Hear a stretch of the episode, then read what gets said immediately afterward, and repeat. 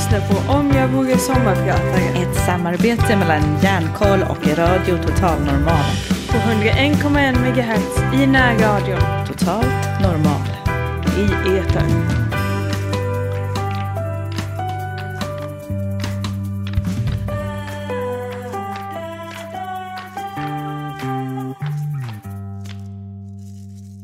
Hur är det egentligen att vara präst, fet och psyksjuk? Jag vet. Jag har varit där.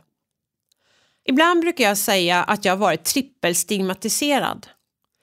En del människor anser att präster bara tror på sagor och att feta människor är lata och karaktärslösa.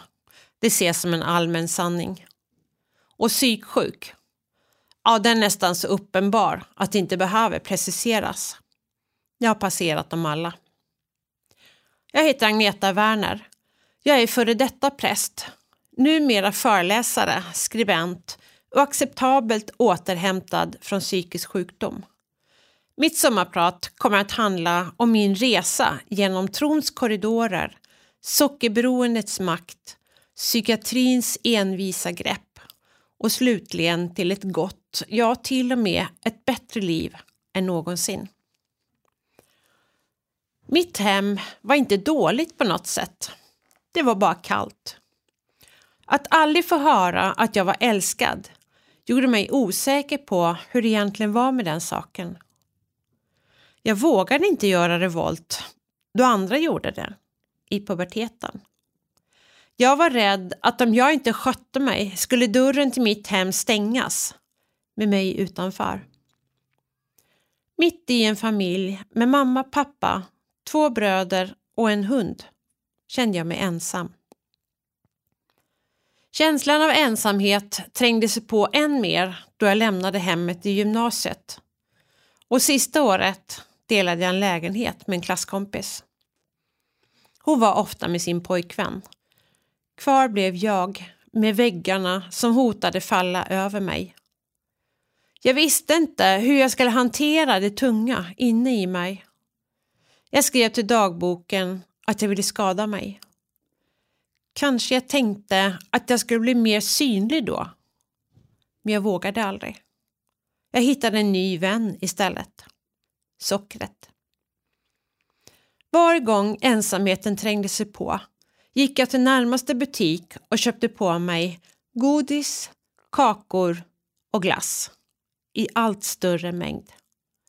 Jag fullkomligt dränkte min känsla av övergivenhet och ångest.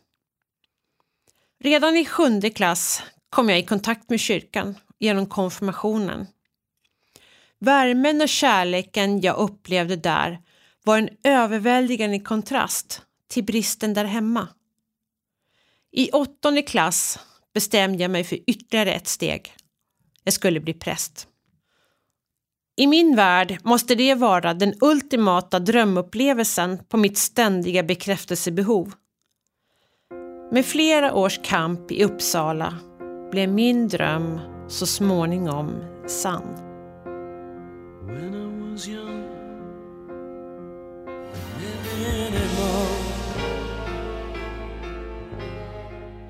En gnistande vacker och kall vinterdag 1989 står jag så äntligen vid mitt mål. Nämligen på trappan till Härnösands domkyrka. Alla års studier och kämpande i Uppsala ligger bakom mig.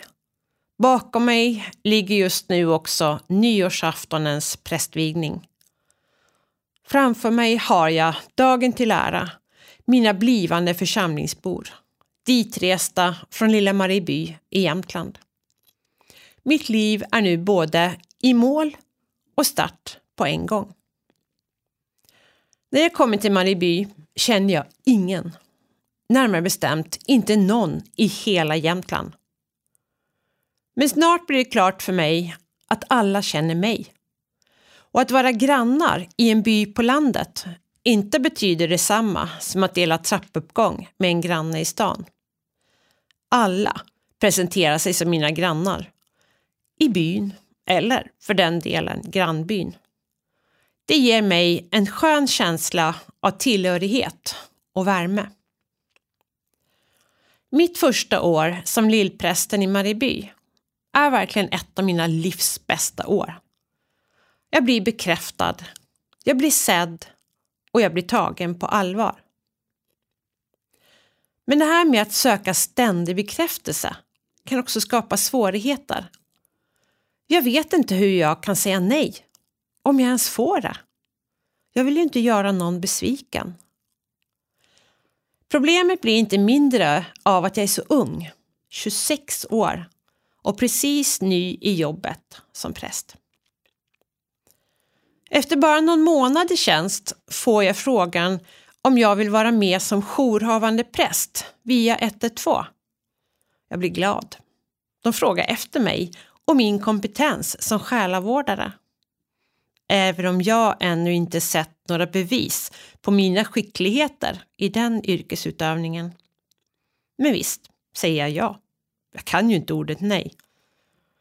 Tvekan inom mig som jag inte riktigt vill släppa fram är det här med tiden.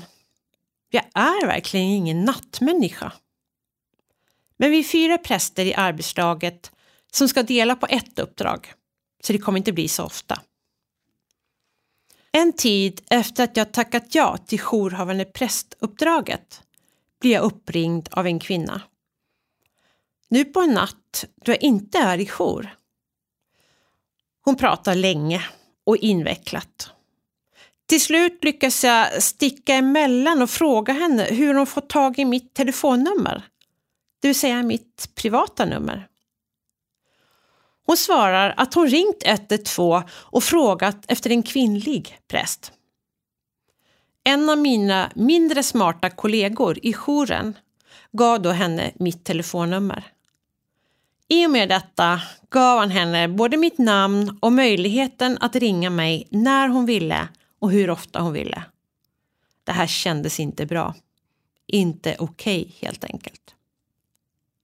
Nu hade jag fått ett problem på halsen.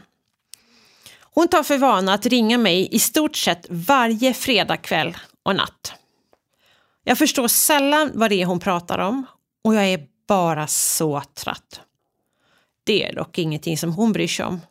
Hon hör varken gäspningar eller mina allt mer desperata försök till att få slut på samtalet. Jag blir också stressad. Jag tänker på helgen framför mig som innehåller både begravning, dop och en vigsel. Och så söndagens gudstjänster på det. Jag behöver verkligen få sova. Men hur ska jag få stopp på henne? Jag är osäker på min rätt att helt enkelt avspisa henne eller bara lägga på. Jag vill inte göra fel. Kanske att det beror på min ålder eller brist på erfarenhet. Jag vet helt enkelt inte om jag får säga ifrån. Och jag vill ju så förtvivlat gärna vara till lags och göra ett bra jobb. Jag vill vara en bra präst. Till slut kom jag på en lösning. Jag bestämmer mig för att helt enkelt dra ur jacket. På så sätt kan jag låtsas att jag inte är hemma. Jag känner mig lättad kommande fredag. Jag kan ta det lugnt. Jag får en lugn kväll och jag får sova ordentligt inför morgondagens prövningar. Det var då jag inser vitsen med fast telefon. För det var just det den var. Fast. Sladden satt fast i väggen och gick inte att dra ur. Strax därefter blev jag ändå räddad. Jag tog semester.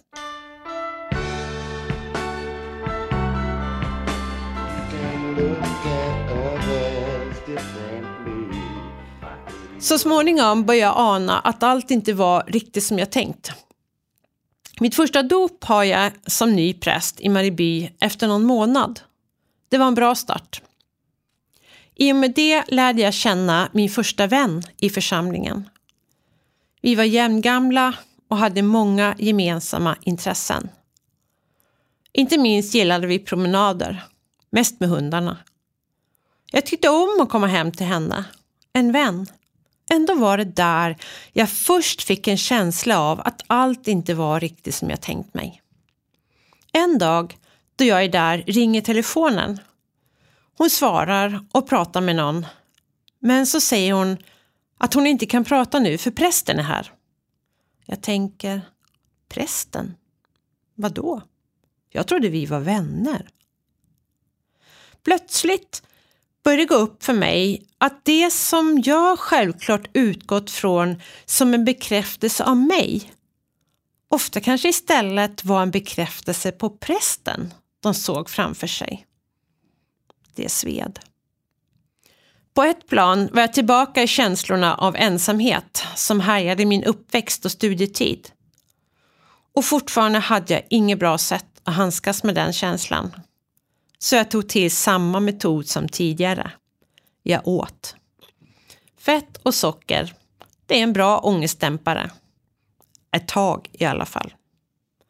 Men konsekvenserna, de växte sig allt större och större.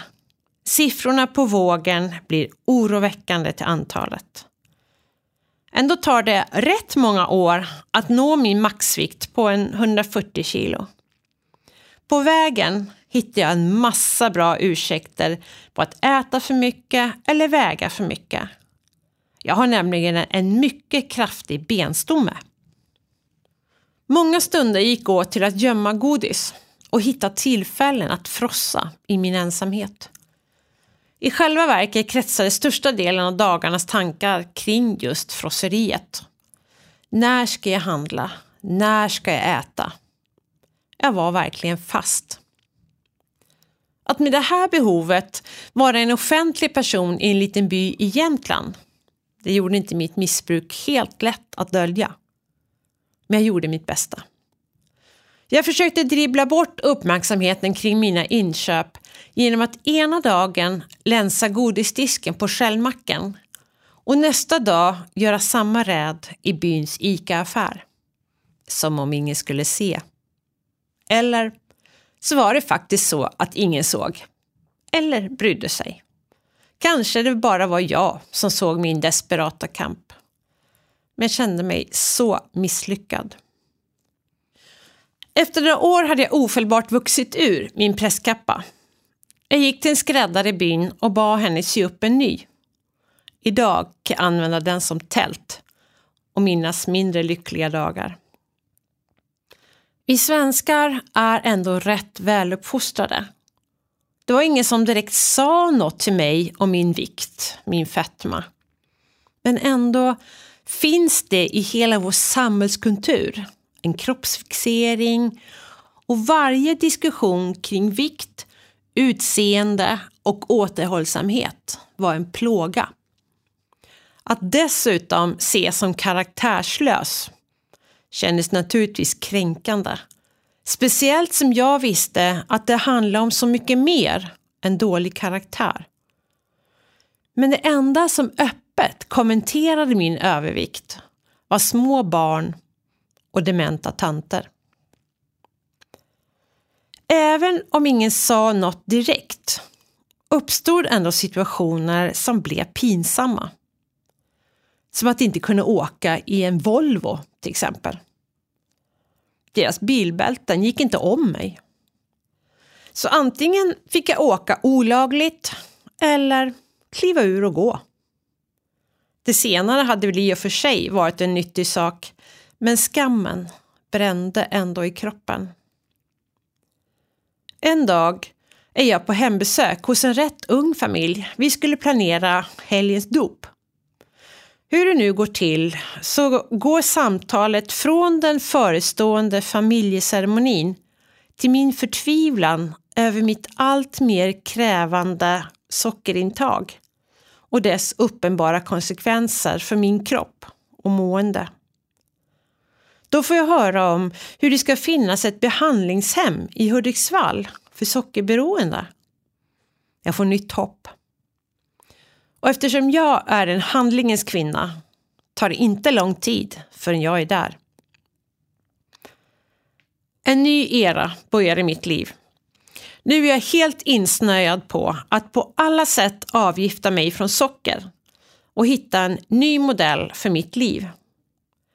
Jag är övertygad om att jag hittat mitt livs lösning. Äntligen ska jag slippa skammen av att vara fet och helt i klorna på ett förödande missbruk. Samtidigt som hoppet om ett bättre liv gryr inom mig går jag igenom en mycket tuff tid då mina humörsvängningar slår alla rekord. Jag får lära mig att det är avgiftningen från sockret som ställer till det i mitt system. Jag vet inte. Jag kämpar för att hålla näsan över vattenytan och ta mig vidare. Till den dag jag straffar ut mig därifrån genom ett besök på kiosken och jag återigen står där på egen hand. Misslyckandet är ett faktum. Jag trodde verkligen på den här behandlingen men tvingas återigen inse att det inte fungerar för mig med så mycket fokus på mitt ätande. Jag blir oftast bara mer fixerad, vilket leder till en stegring i ätstörning tvärt emot syftet med behandlingen. Återigen tvingas jag också inse att livet inte är så svartvitt som jag gärna vill att det ska vara. Och att lösningen på mina problem aldrig kommer att lösas genom någon quick fix. Nu är jag tillbaka på ruta ett. Igen. Även om historien inte går spikrakt i kronologin så är ändå sambandet ensamhet, sockermissbruk och psykisk krasch en realitet. Tre år efter att jag nått mitt livsmål, att få bli prästen på landet som alla kända, tar mitt liv en vändning jag inte på något sätt var beredd på. Ensamheten visste jag om, men nu i en sju rum och kök stor pressgård med enda sällskapet av hunden Simson och släkt och vänner 60 mil bort blev det för mycket.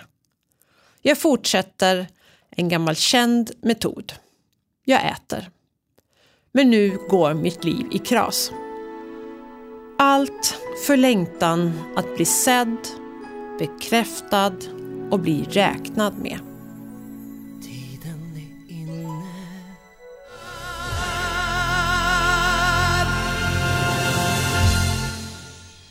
Den 14 maj 1993 blir dagen jag alltid kommer att minnas.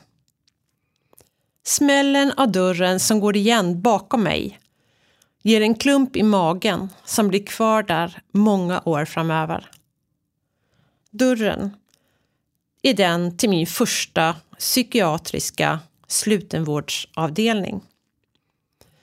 Jag är 30 år och jag inser att det inte finns någon väg tillbaka.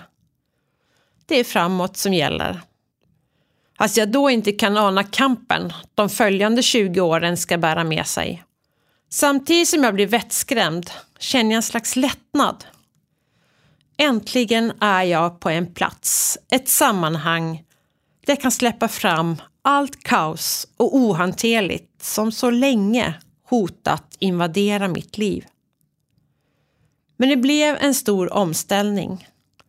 Från att ha varit en kompetent och ändå bekräftad präst nu stå inför en helt annan roll i livet. En roll där allt fokus flyttats från funktionellt till dysfunktionellt. Idag kan jag tänka, hur ska någon någonsin kunna bli frisk med allt fokus riktad på det som är sjukt? Ungefär som att tänka på en färg men inte röd. Eller som för mig, att inte tänka på godis. Med enda resultatet att det är det som min hjärna fullständigt invaderas av. Mitt förvirrade fokus under den här tiden var detsamma som tidigare, men lösningen en annan. Jag vill bli sedd. Jag vill bli förstådd. Men jag har inga ord. Så jag skadar mig. Inom ett dygn på min första psykavdelning har jag lärt mig konsten att skära mig. Det blir min modell. Bland många. Hade bara orden funnits där i min mun hade jag kanske inte behövt självskadandet. Kanske jag då kunnat kommunicera på ett mer begripligt och allmänt accepterat sätt. Men då orden fattades mig var jag tvungen att på annat sätt desperat försöka förmedla kaoset och smärtan som fyllde mitt inre. Många gånger när jag stod där blödande fick jag frågan Varför? Varför gör du så här? Jag hade inget svar. Det fanns inga ord som passade helt enkelt. Jag hoppades hela tiden på att de skulle vara tankeläsare så att de så skulle förstå ändå. Men jag träffade aldrig på några sådana. Att vara psykiskt sjuk är ofta stigmatiserat. Det är också lätt att själv känna skam för sin egen sjukdom. Självklart var jag i början också orolig för att på sjukhuset träffa på någon från min församling. En av de första dagarna på sjukhuset i Östersund hör jag när jag går förbi personalrummet hur de pratar om att de fått in en präst som patient. Det var just den reaktionen jag var rädd för. Men synen på mig som präst kommer att förfölja mig många år framåt inom psyk. Inte sällan stod jag inför frågan hur jag som präst kunde ljuga. Det var nu sällan jag rakt ut ljög, men jag var en mästare i att manipulera och svänga runt sanningen utan att ljuga rakt ut. Eller journalen som alltid inleddes med orden 30-årig ogift präst. Jag tyckte inte att prästeriet var väsentligt för min vård. I alla fall inte i någon positiv mening. När jag efter tio år flyttar till Hudiksvall får jag chansen att ändra lite i journalen. Inte lång tid efter flytten står jag återigen inför inskrivning i slutenvården. När jag får frågan om vad jag har för yrke så svarar jag lokförare. Efter en lite undrande blick skrivs jag nu in som 40-årig ogift lokförare. Idag är jag 50 år och fortfarande ogift. Men varken präst eller lokförare. Jag är jag, helt enkelt. Någon gång om året förvandlas jag till patient. Om det kommer att fortsätta så eller inte vet inte jag. Eller någon annan heller, för den delen.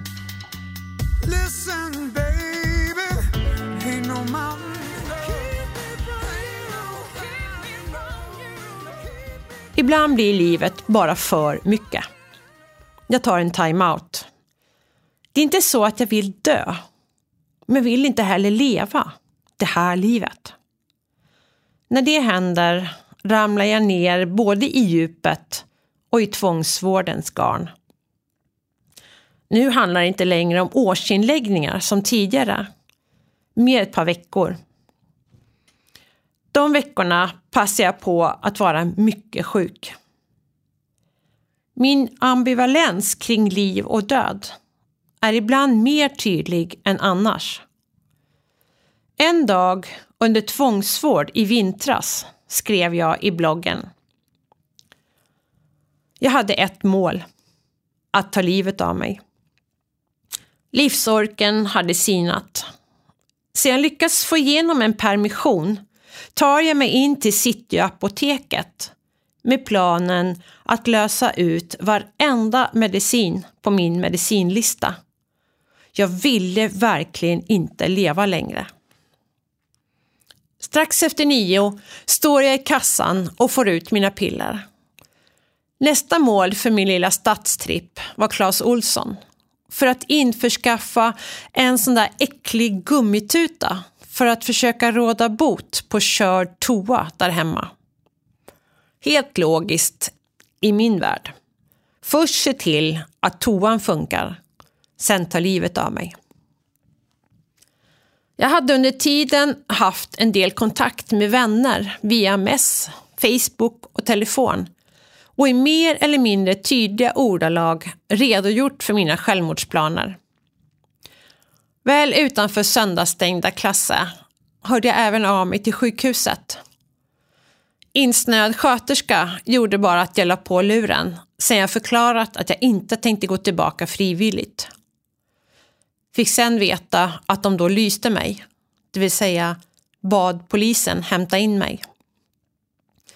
Bussen hem gick strax efteråt, så inte långt efter elva var jag hemma igen med en påse mediciner, men utan gummipropp. Ungefär fem minuter efter hemkomst ringer tre vänner på dörren. Med kaffet i ryggan frågar de om de fick komma in. Om jag blev glad att se dem. Tårar av alla möjliga känslor brände bakom mina ögonlock. Det blir kaffe, prat om ditt och datt, vårplaner, fönsterputs, cirklar, knasiga vackra katter.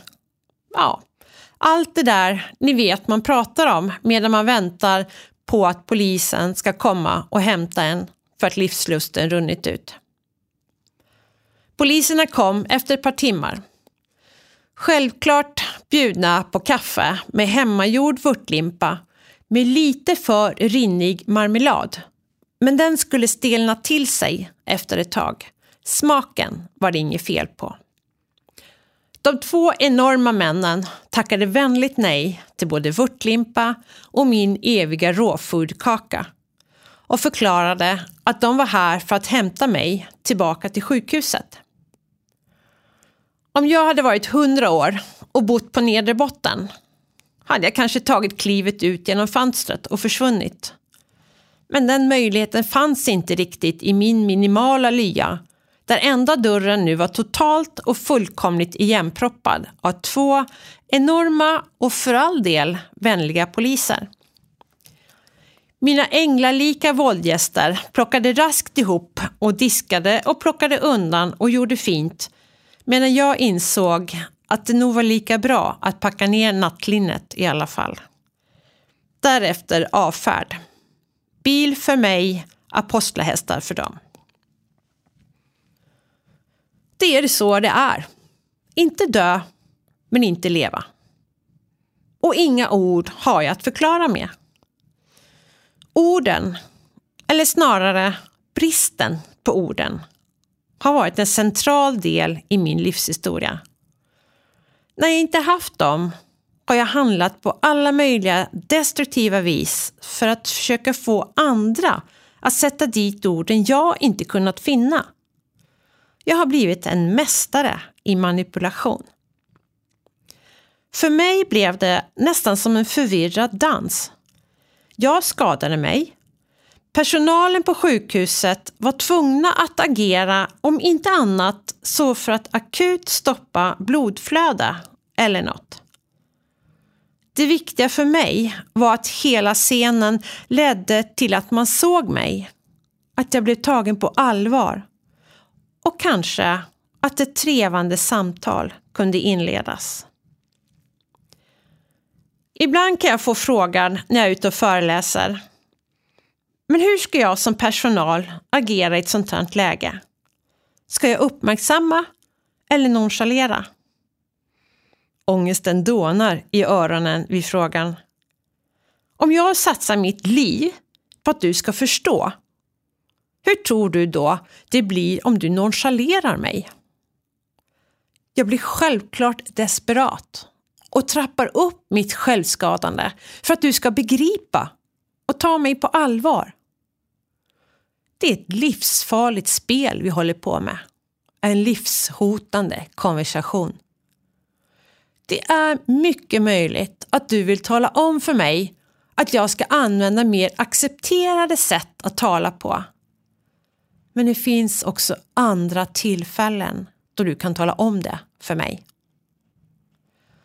Jag läste någonstans att om det är så att jag som patient på en slutenvårdsavdelning måste skada mig själv för att få uppmärksamhet, var ligger då det egentliga problemet?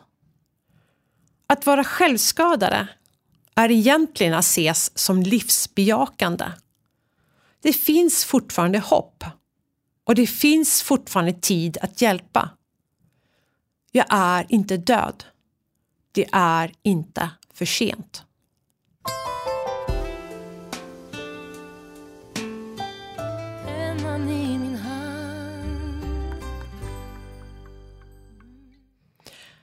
Det är inte så lätt att få omgivningen att förstå vad jag vill och inte vill när jag skadar mig istället för att använda vanliga ord. Det är därför jag har gjort en krisplan. Den har jag gjort tillsammans med min läkare och behandlingsansvariga innan jag hamnar innanför den låsta dörren och innan krisen är ett faktum. I lugn och ro har jag fått tänka igenom hur jag vill ha det när energidepån har torkat ut och orden flytt sin kos. I min plan står det att jag behöver tvångsvård. När läget är skarpt vill jag ingenting, kan jag ingenting, orkar jag ingenting. Min kraft till ansvar och motivation till vård är på noll. Det står vidare att jag behöver ständigt sällskap. Det betyder att det alltid finns någon hos mig. I mina ögon finns de inte enbart där för att hindra mig från att skada mig, utan viktigare som de redskap jag behöver i kampen att hitta tillbaka till orden. När det finns någon där hela tiden kan det få trilla fram ett ord lite då och då. Jag behöver inte gå och säga till någon om att få prata. För vad ska jag säga? När jag inte vet. Nu kan alla trilskande vokaler hitta sina kompiskonsonanter i sin takt. Lite vartefter. De första som kommer fram är inte de som handlar om liv och död. De inledande fraserna formas oftare kring hur katterna mår och hur fantastiska de är. Vi pratar om hur katten Linus kan signalera min stress och oro en vecka innan jag själv fattat någonting. Sen kanske vi närmar oss något av kaoset i min själ. Väl där behöver jag älta. Jag behöver prata sönder problemen. På så sätt får jag distans och kontroll. När jag är inne på slutenvården har jag alltid tryckande ångest som ofta resulterar i starkt självdestruktivt beteende. Ångesten gör också att kroppen känns luddig och att känslan av att lösas upp blir närmast olidlig. Därför söker jag mig ofta till det trånga duschutrymmet där jag kryper ihop i fosterställning. När personalen hittar mig där säger de åt mig att kliva upp och komma ut till sängen så kan vi prata. Men jag kan inte gå ut i det oändliga rummet. Jag går i bitar då. Jag kämpar allt jag kan för att hålla ihop mig. Jag behöver duschkabinens trånga väggar som stöd mot min kropp. Dessutom har jag inga ord att dela. Allt jag vill är att de sätter sig ner på toastolen en stund och väntar. Att de möter mig där jag är. Men de bedriver ingen toaletterapi, säger de. Jag tänker att jag inte har bett om någon terapi. Jag önskar sällskap i mitt kaos. Nästa gång det är dags för akutinskrivning kan jag hamna på avdelningen vägg i vägg. Mitt beteende är exakt detsamma. Självskadebeteende, och flykt till det trånga duschutrymmet. Den här gången är det aldrig tal om någon specifik toalettterapi. Lika självklart är det att inte lämna mig ensam där. Helt naturligt sätter de sig på golvet bredvid mig. Istället för att lägga mig i bälte när ångesten inte går att stävja på annat sätt håller de helt enkelt om mig. De använder utan tvekan sina kroppar för att hjälpa mig att inte spricka av ångest. Ofta kan det sluta med att de bär mig till min säng och där lägger de sig helt enkelt bredvid mig och håller om mig. På så sätt får jag inte sprickkänslan och till slut släpper ångesten. Vartefter min andning börjar varva ner från hyperventilering släpper de på sin tyngd över mig. Men det viktiga är att de finns där hos mig ända tills jag är helt lugn. Då är tiden för orden. Och vi kan börja prata om vad som hänt.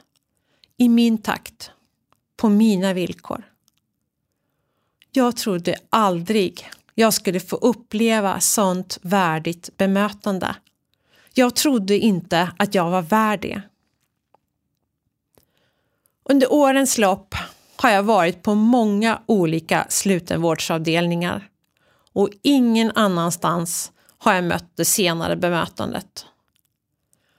Av den anledningen står det idag i min krisplan att i yttersta krislägen behöver jag ofta bältesläggning. Det är när ångesten dragit ihop min kropp i kramper och ingen längre klarar av att hålla om mig utan att göra mig illa. När jag hyperventilerar. När hela min kropp hotar att gå i tusen bitar. Det är så min plan ser ut idag. Men det är en ständig process det här med krisplanen. Precis som jag förändras jobbar vi konstant vidare med min plan för krislägen.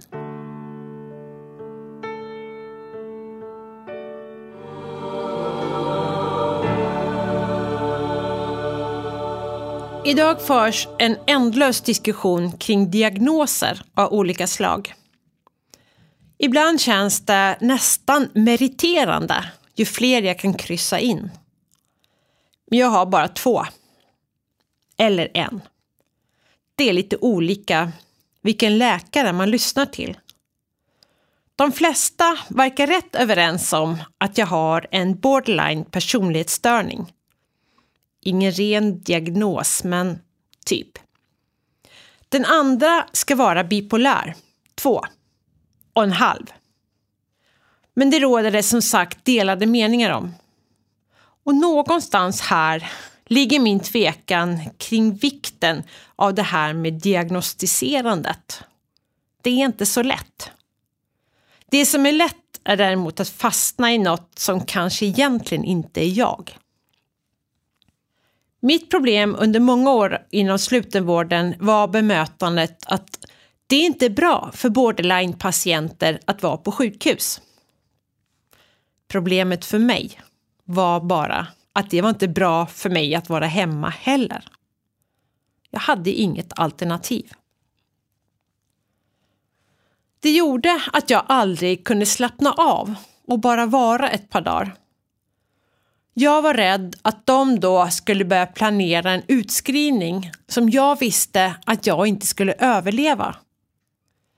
Därför lät inte jag en enda dag passera under de första åren utan att jag hade bottenkänning och ofta agerade på något sätt. Jag demonstrerade på alla upptänkliga sätt att jag inte alls var redo för ett liv i något eget hem någonstans. Det var när jag fick chansen att komma till ett behandlingshem för två år som det riktiga arbetet äntligen kunde starta. Mot återhämtning och ett värdigt liv. Hemmet jag skulle till den här gången var för personer med självskadebeteende. Det var ett tillfälle och en chans jag hoppades mycket på. Jag hade då länge tvivlat på att jag någonsin skulle kunna bo ensam och ha ett hyfsat liv. Hittills hade jag inte upplevt det. Ensamt boende hade alltid varit ångest. Och det här tvivlet satte käppar i hjulet på min väg mot tillfrisknande då jag helt enkelt inte vågade satsa. Jag hade inte tron på att jag någonsin skulle komma ur mitt helvete och bli frisk. En månad innan flytten till behandlingshemmet skrevs jag ut från sjukavdelningen. Jag skulle klara mig själv. Jag kände mig ensam, övergiven och ledsen. Tårarna rann oupphörligt. Jag kände mig så bräcklig. Minsta vågskvalp och jag skulle drunkna. Det var en vidrig känsla och upplevelse. En gång ringde jag till psykjouren. De hänvisade mig att ringa till avdelningen. Jag ringde dit och de sa att jag nu som utskriven skulle ringa psykjouren.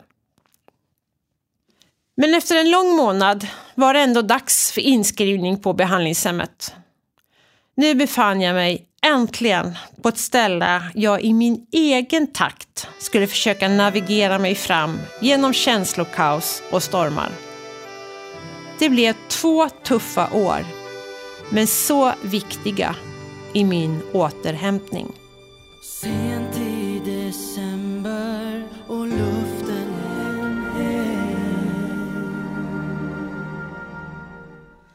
Den stora utmaningen jag hade framför mig nu, det var behandlingshemmets nolltolerans mot självskadande. Det var väl i och för sig inget nytt, men den stora skillnaden mot psykavdelningens nolltolerans var att här kunde jag straffa ut mig. Det vill säga, om jag skadade mig fick jag inte vara kvar helt enkelt.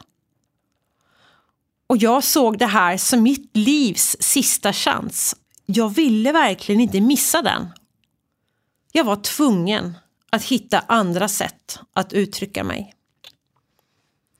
Tyvärr hittade jag tillbaka till ett gammalt destruktivt beteende. Ätandet. Lätt som en plätt var jag tillbaka i sockrets våld. Det lustiga är att det verkar som att ingen såg det här. Det vill säga, ingen såg att det här blev mitt nya, nygamla sätt att skada mig på. Ätstörning såg de som någonting annat. Fast det i själva verket inte var någonting annat än ett alternativt rakblad. I ett sammanhang då jag var ute och föreläste på en konferens för vårdpersonal för något år sedan möttes jag av en rätt typisk oförståelse hos personalen. Det blev en diskussion kring en patients stora sockeranvändning. I det här fallet gällande socker på gröten. Personalen talar om för grötätaren att det inte är nyttigt med socker. Hon säger det till honom som om han inte visste. Jag frågar vad hon hade att erbjuda istället. Hon ser undrande på mig. Hon förstår inte. Det hon inte förstår är att sockerintaget i det här fallet står för någonting annat än ohälsosam mat. Hon förstår inte att jag för det första inte har så mycket annat att se fram emot. Inte heller förstår hon hur sockret kan lindra ångest en stund. Mina valmöjligheter till ett nyttigare alternativ, en annan sorts lättnad, är så begränsade. Av både en låst dörr och hennes oförståelse inför min situation. Istället för att bara rycka bort mina gamla, mindre lyckade strategier behöver jag hjälp med att hitta nya, bra strategier. Jag behöver stöd, inte tillrättavisande. Jag är inlåst, jag är beroende. Inte bara av sött, utan också av kompetent personal. Men nu är det ju så att socker i längden inte är en bra lösning. Det vet också jag. Men den bistra sanningen är att det inte finns så mycket annat att se fram emot. Många kanske tror att det på en psykavdelning tillhandahålls terapi, sysselsättning, god mat, trevlig miljö. Fel. Inget av det finns på en vanlig avdelning idag. Maten är inte godare på en psykavdelning än den du serveras när du ligger inne några dagar för njursten eller vad det kan vara. Den stora skillnaden i upplevelsen är att du som psykpatient inte har någon prognos. Det vill säga, du vet inte när du kan komma hem och äta vad du vill. Ett argument jag hört angående det påvra socker och annat gott-utbudet är att det inte ska vara så trevligt på psyket. För då vill inte patienterna åka hem till en ännu torftigare hemmiljö. Jag bara undrar. Vem vill vara inlåst på en psykavdelning längre än nödvändigt? Jag frågade konferensdeltagarna om de nu ville checka in på den trevliga anläggningen för någon månad framåt. Maten var ju så god och sängarna så sköna. Det var ingen som ville det. Och det hade inte ett dugg med den goda maten att göra. De ville helt enkelt hem till sitt eget, sina egna tider och vanor.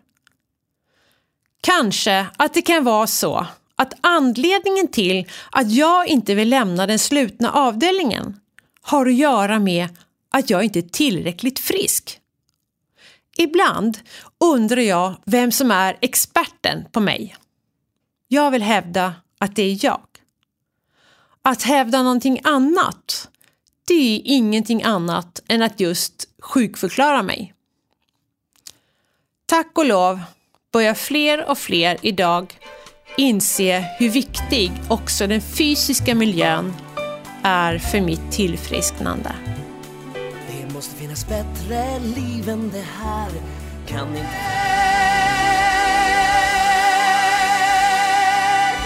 Åren innan mitt liv kraschade och jag hamnade inom slutenvården så gick jag i terapi. Det var en psykoanalytisk terapi. Vi grävde, eller rättare sagt jag grävde mycket och djupt i det förgångna och det svåra. Samtidigt som denna terapi fortgick skötte jag mitt jobb som präst. Det blev en oerhört slitsam process. Oftast, efter en timmes grävande, kokade mina känslor i 180 grader. Jag var nu tvungen att hitta ett sätt att kämpa ner och kyla av det rykande, förlamande kaoset och återfå kontrollen igen. Livet fortsatte ju som vanligt utanför terapirummet. När jag lämnade terapeuten sneddade jag över gatan mot parkeringsgaraget där jag ställt bilen. Tårarna brände bakom mina ögonlock samtidigt som jag tänker på konfirmanderna som sitter och väntar på veckans lektion. Jag hanterar situationen på mitt sätt genom att smita in om bensinmacken och där köper jag en Dime, en chipspåse, en påse Polly och så toppar jag med en Magnum mandel. Jag kämpar för att få ordning på tankar och känslor. Jag är bara tvungen att bli lugn och hanterbar igen. Jag bara måste stänga av, trycka ner och bli funktionell igen. Till nästa veckas terapitimme. Ändå var det just i en terapisession som min väg tillbaka började. Men det var långt senare än psykoanalysens dagar. Nu var jag på en av alla slutenvårdsavdelningar. Jag var en av få som faktiskt erbjöds samtal med en psykolog. Jag vet inte om jag var så förtjust i henne, men ändå var det hon som satte bollen i rullning, i rätt riktning. En dag när jag satt i hennes rum sa hon Blunda. Tänk en plats. Se den och känn den i ditt inre. Jag gör som hon säger. Jag ser mitt hem. Jag ser min gröna soffa. Jag ser mig själv uppkrupen i hörnet. Jag dricker te. Jag känner lugn. Jag känner harmoni. Någonting händer. Min trygghet söker plats i mig själv. Den flyttar från någon annan till mig. Andra försvinner. Jag finns kvar. Det gör mig trygg. När man ligger inlagd under långa tider är det väldigt svårt att behålla vänner från livet utanför. Jag lever i en slags subvärld som i stort kretsar kring jakt på saker att skada mig med. Att manipulera personalen. Att äta de eviga köttbullarna med potatis, brunsås och lingon. Jag har helt enkelt inte mycket att tala om med vännerna i den vanliga världen. Det kan heller inte vara lätt att prata med någon som hela tiden talar om att skada sig eller inte vilja leva längre. Det tär på relationen. Det har gjort att jag under den här tiden i stort varit hänvisad till relationerna med personalen. Men de flyttar, slutar, får barn eller något. Jag inser i alla fall med smärtsam tydlighet att det jag trodde var något riktigt för dem bara var en del i deras jobb. Jag började tvivla på att jag var värd någon annan vänskap. Sen var det det här med bekräftelsen. Jag var beroende av att ha någon som såg mig och gjorde mig synlig. Det var som att mitt liv kantrade om jag inte hade åtminstone ett av benen i någon annan i min närhet. Det gjorde mig mycket sårbar.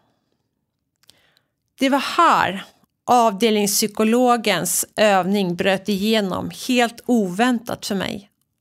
När jag fann min trygghet i mig själv, i min egen soffa där hemma, så insåg jag att jag en dag inte skulle vara helt beroende av ett ben i någon annan. Jag skulle lära mig att stå på egna ben. Där och då började min väg tillbaka. Bekräftelsetorsken började vädra syre på egen hand. Idag kan jag vara ensam. Ja, till och med tycka om att vara ensam.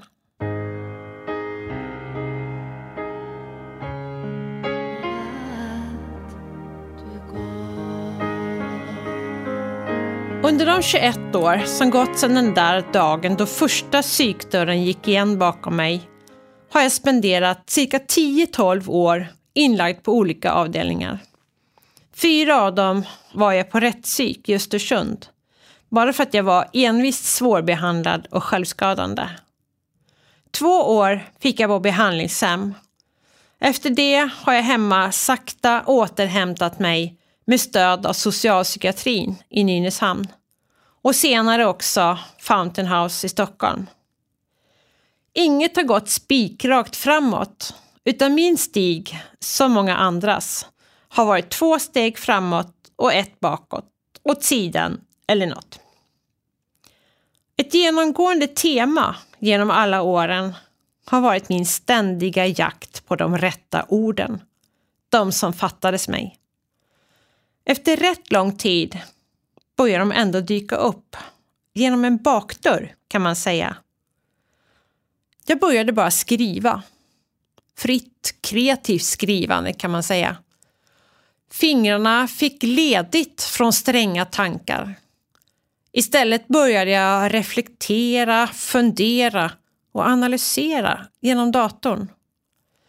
Många gånger blev jag själv överraskad över vad som kom upp på skärmen. Kanske att orden inte behövt vara så avgörande om jag haft andra uttrycksmedel. Om jag kunnat dansa, spela teater, måla eller något annat tankefritt hade det säkert kunnat hjälpa. I de fall det fanns piano på avdelningen tyckte jag om att spela. Det hände rätt många gånger att jag gick in i moll och ut i dur en timme senare. Det viktiga för mig är att hitta ett sätt att få ut känslorna som korvat ihop sig inom mig. Ibland känns huvudet som ett nystan som katterna lekt med en hel natt. Fullständigt kaos. Jag hittar ingen tråd att börja dra i. Jag vet att jag inte är ensam om att ha svårt att få rätt ord på jobbiga känslor. Så många gånger har jag träffat på olycksbröder och systrar som säger att de mår dåligt. Varje dag. Samma sak. Det är inte så konstigt om jag inte blir tagen på allvar om jag inte kan variera mig lite mer. Försöka precisera lite mer vad jag känner. För inte är det så att det är samma känsla jag försöker uttrycka varje dag, år ut och år in. Jag tänker på sagan där pojken skojar och ropar Vargen kommer! Vare sig vargen kommer eller inte. Till slut är det ingen som reagerar. Ingen tar utropet på allvar längre. Lite så blir det när jag säger samma sak varje dag. Hur ska någon kunna förstå att min känsla inte är exakt densamma när jag använder samma ord? För att på något sätt försöka förmedla mina variationer i måendet började jag använda en känsloskala. Jag började registrera mina känslor utifrån skalan 0 till 10. 0 är absoluta botten, då jag i princip har dött för egen hand. 10 är total manisk psykos.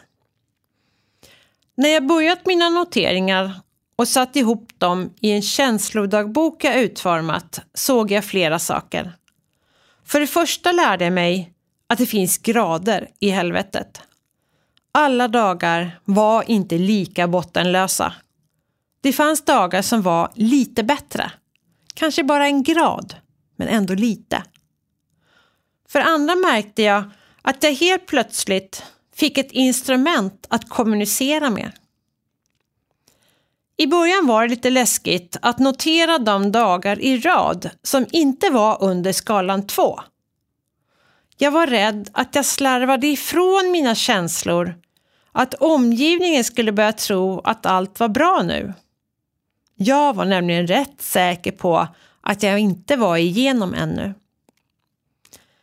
Men så småningom lärde jag mig både att acceptera upp och nedgångar men ännu viktigare lärde jag mig att se vad som hände innan en känslosvängning. Det gjorde att jag sakta började hitta strategier för hur mitt liv ska fungera. Tack vare alla mina tabeller och diagram jag gjorde under de där åren på behandlingshemmet vet jag idag hur viktigt det är för mig med regelbunden sömn regelbunden motion, regelbunden mat och min medicin. När jag blir sjuk idag handlar det mycket om energi, eller snarare brist på energi. Av någon anledning har sömnen fallerat eller stressen blivit för stor och påfrestande. Jag har kanske inte fått till den motion jag behöver och maten trilskas då vet jag att jag måste stanna upp och bli lite varsam. och kanske att jag behöver hjälp från sjukvården upp på spåret igen. Men när jag väl fått tillgång till orden kan jag själv börja styra mitt liv i en riktning jag vill och inte hela tiden vänta på att någon annan ska tolka och bestämma åt mig. Att äga orden, det är att äga makten över mitt eget liv. På ett sätt kan man säga att jag idag är tillbaka där jag började. Jag är tillbaka i kompetens och språk. Jag kan uttrycka mig begripligt både för mig själv och andra. Jag ser det som att jag gått igenom en 20 års lång utbildning i livskunskap med specialkompetens i mitt eget liv. Jag kan inte säga att jag inte tappar greppet om tillvaron ibland, för det händer. Men tack vare mitt grundliga arbete och med hjälp av färdighetsverktygen jag fick genom den dialektiska beteendeterapin på behandlingshemmet kan jag bättre hantera mitt livs upp och nedgångar. Jag vet vad jag kan klara på egen hand eller när jag behöver extra stöd. Idag ser jag mina erfarenheter och min bakgrund som en bas för min framtid. Jag har startat ett eget företag. Jag kallar det för Harmless Life. Där jag börjar ta på mig föreläsningsuppdrag och en del skrivengagemang. Allt i lugn takt med sjukersättningen som en sinneslugnande ekonomisk grund. Så småningom har jag lärt mig att tycka om ensamheten. Jag uppskattar att få göra mina egna val utan nödvändig inblandning från någon annan. Jag är så otroligt tacksam för min egen säng. Att få äta vilken mat jag vill och när jag vill. Det har varit långt ifrån min vardag under så många år. Jag är glad för mina två katter som inte bara signalerar när det är dags att varva ner. De ger mig också både värme och sällskap. Och just nu trivs jag med mitt eviga singelliv. Det har tagit lång tid. Men när jag idag står längst fram vid spegelväggen på svettyogan ser jag på mig själv. Jag ser en historia. Jag ser var mina 60 extra kilon höll hus. Jag ser var alla knivar och rakblad farit fram. Men framför allt ser jag den jag är idag. En precis lagom gammal kvinna med en rik historia. Jag heter Agneta Werner och jag är glad för att jag är den jag är idag.